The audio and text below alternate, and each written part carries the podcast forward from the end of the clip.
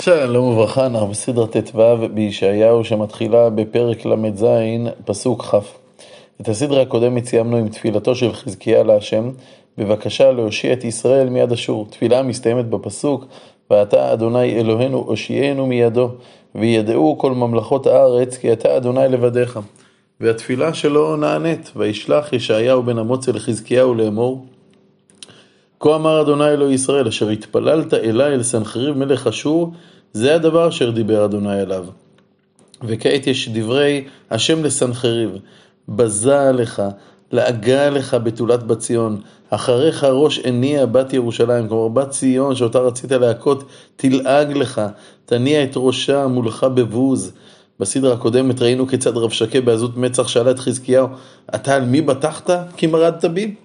והנה, כעת השם עונה, עונה לו ב, ב, בשאלה, את מי חירפת וגידפת, על מי הרימות הכל? ומוסיף לתאר כיצד אשור הביטו בחוצפה על קדוש ישראל, ותישא מרום עיניך על קדוש ישראל.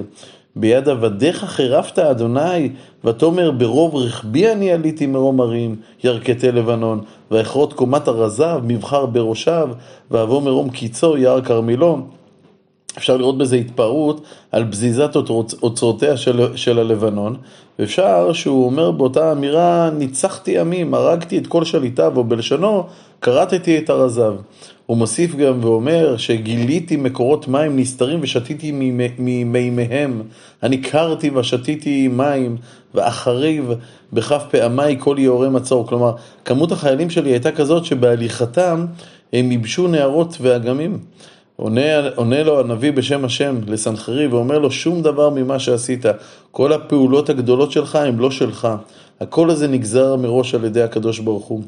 הלא שמעת לי מרחוק אותה עשיתי, מימי קדם ויצרתיה, אתה אביותיה, כלומר כל מה שאתה עושה עכשיו זה בסך הכל דברים שאני גזרתי מימי קדם, ועכשיו אתה רק מוציא לפועל את מה שגזרתי. ותהי להשעות גלים ניצים, ערים בצורות, לכן אתה יכלת להפוך ערים בצורות לאיי חרובות. ויושביהם קצרי יד חטו ובושו, היו עשב שדה, וירק דשא, חציר גגות ושדמה לפני כמה. כלומר, כל תושביה של, של אותם ערים שלחמת בהם היו, היו קצרי יד, ואתה קצרת אותם כמו שקוצרים ירק שדה, אבל את כל הדברים האלה לא עשית בכוח, בכוחך, אלא עשית את זה בגזרה אלוקית. ושבתך וצאתך ובואך ידעתי, ואת התרכזך עליי, כלומר אני יודע הכל עליך, כולל מה שבלבך. וכעת אומר השם לסנחריב, לגאווה שלך יש לך מחיר, ואני הוא זה שהוביל את אשור לשעבוד. יד התרכזך אליי ושאננך עלה באוזניי, ושמתי כוחי באפיך, ומתגי בשפתיך, ואשיבותיך בדרך אשר באת שם. כלומר, אתה תחזור לביתך בלי שום יכולת לפגוע בירושלים, כי אני אקח אותך לשם, כמו שמובילים בהמה, בכוח שבאפה, ובסוס במתק שבשפתיו. וכעת הנביא נותן אות שמבאר אה, בתוך המציאות הנוראה הזאת, שאומנם בשנה הזאת עם ישראל יאכל ספיח, כלומר הוא יאכל גידולים שיצאו ללא זריעה בגלל הכיבוש האשורי, גם אה, השנה הזאת עדיין עם ישראל לא יצליח לזרוע ולכן גם בשנה הבאה הם עדיין עם ישראל יאכל ספיחים של הספיחים. מכל מקום, בשנה הבאה כבר אה, יוכלו לזרוע ולנטוע ולכן בשנה השלישית יאכלו מפירות הארץ הפורחת שתפרח תחת ידיכם וזה לך האות. לכל השנה ספיח, ובשנה השנית שחית.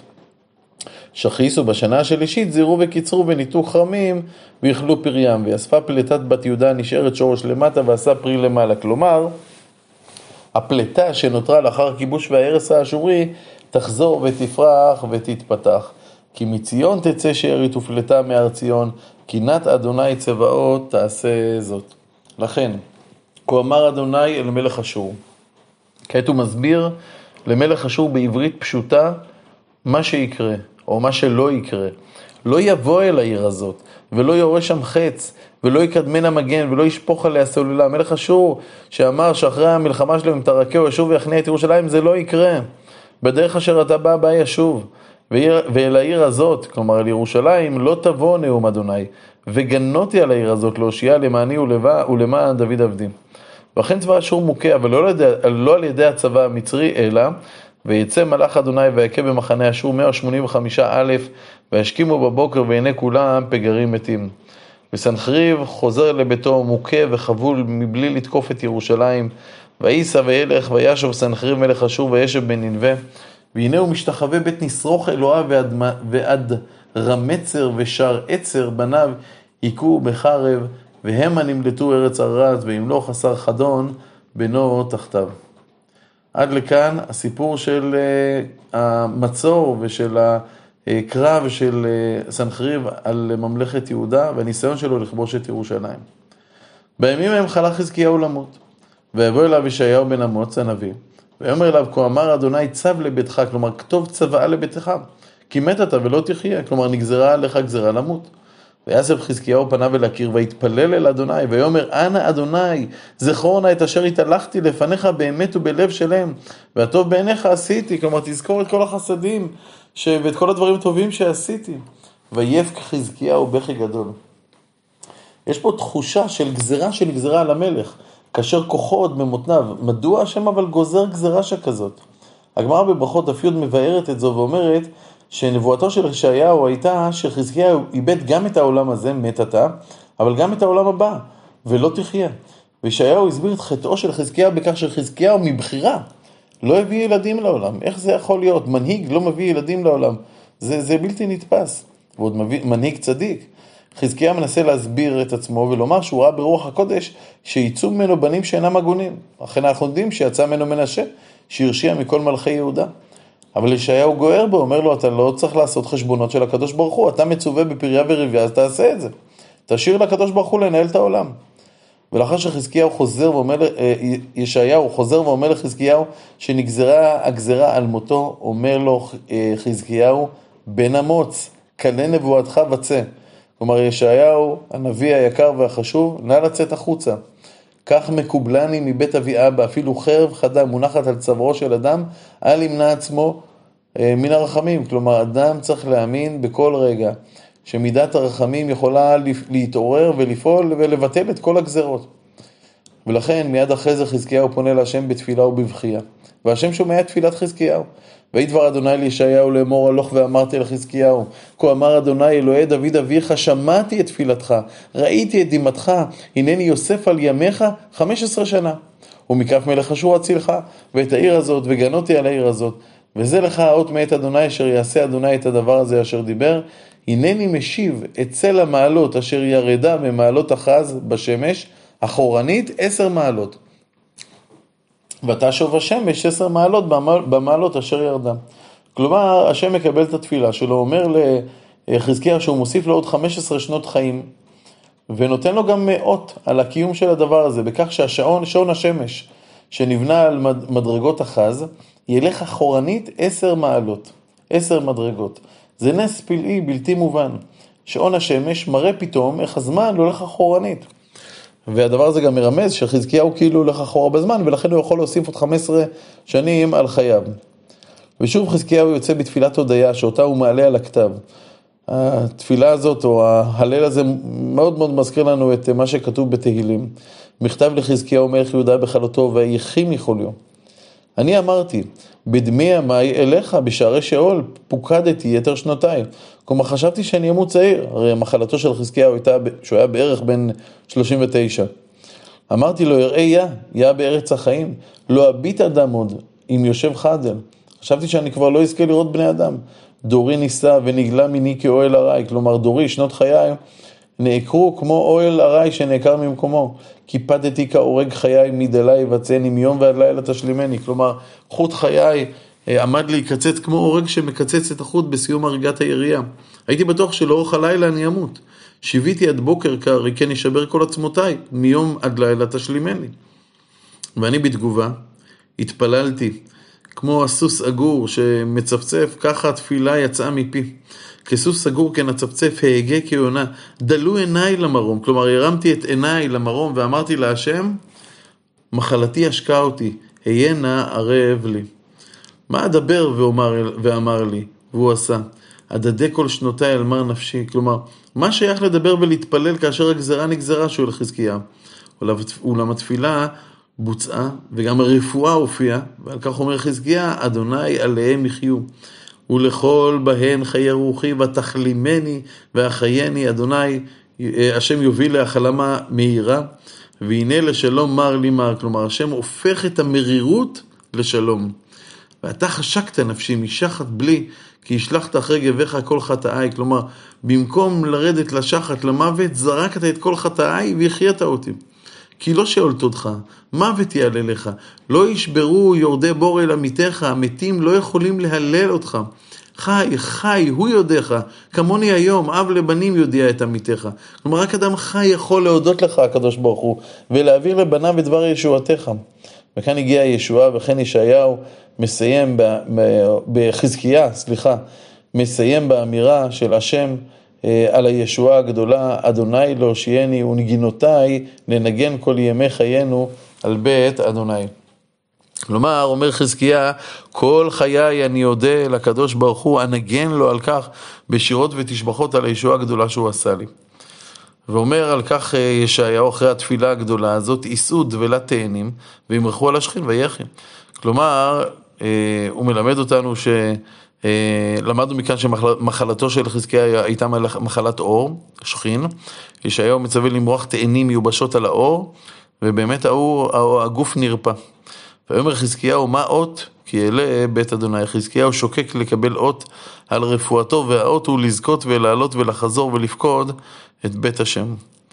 ההודיה והשירה של חזקיהו נפלאים. אנחנו שואלים את עצמנו, חזקיה מלא ביכולת כזאת נפלאה של הודיה, אם כן, איך אפשר להבין את דברי רבותינו שמלמדים שחזקיה יכול להיות מלך המשיח, אבל דבר הזה לא התממש כי הוא לא אמר שירה לאחר הנס של הכעץ באשור. למה, למה לאחר רפואתו הפרטית הוא אמר שירה, ולאחר הנס הלאומי הגדול הזה הוא לא אמר שירה? התשובה לזה היא פשוטה. אמנם ירושלים ניצלה עם הכעץ והסנחריב, אבל כל ערי יהודה נכבשו ונהרסו, המוות היכה בכל פינה. חזקיהו חש שבמבט הכולל על המרד שלו באשור, המרד שלו כשל. ואיך אפשר לומר ככה שירה? איך אפשר לומר במוות הזה ובחורבן הזה שירה? אבל חזקיהו לא שם ליבו שהשאלה אם ניצחתי בקרב או הפסדתי, האם יד השם הושיע או שזו הייתה מגפה מקרית ועוד ועוד, כל השאלות האלה או כל התשובות לשאלות האלה הם תודעה של האדם, פרי תודעתו של האדם. אכן היה חורבן, אבל מתוך חורבן הנורא עלתה ופרחה גאולת ישראל. ושהיו היה צריך להאיר את המציאות באור הזה, באור של הגאולה. ואת זה הוא היה יכול על ידי שירה, שירת הודיה. זווית הראייה של חזקיה לא תפסה את המבט הגאולים. חזקיה ראה פה חורבן נורא, שיכול היה להיות גרוע יותר אם השם לא היה עוזר ומושיע.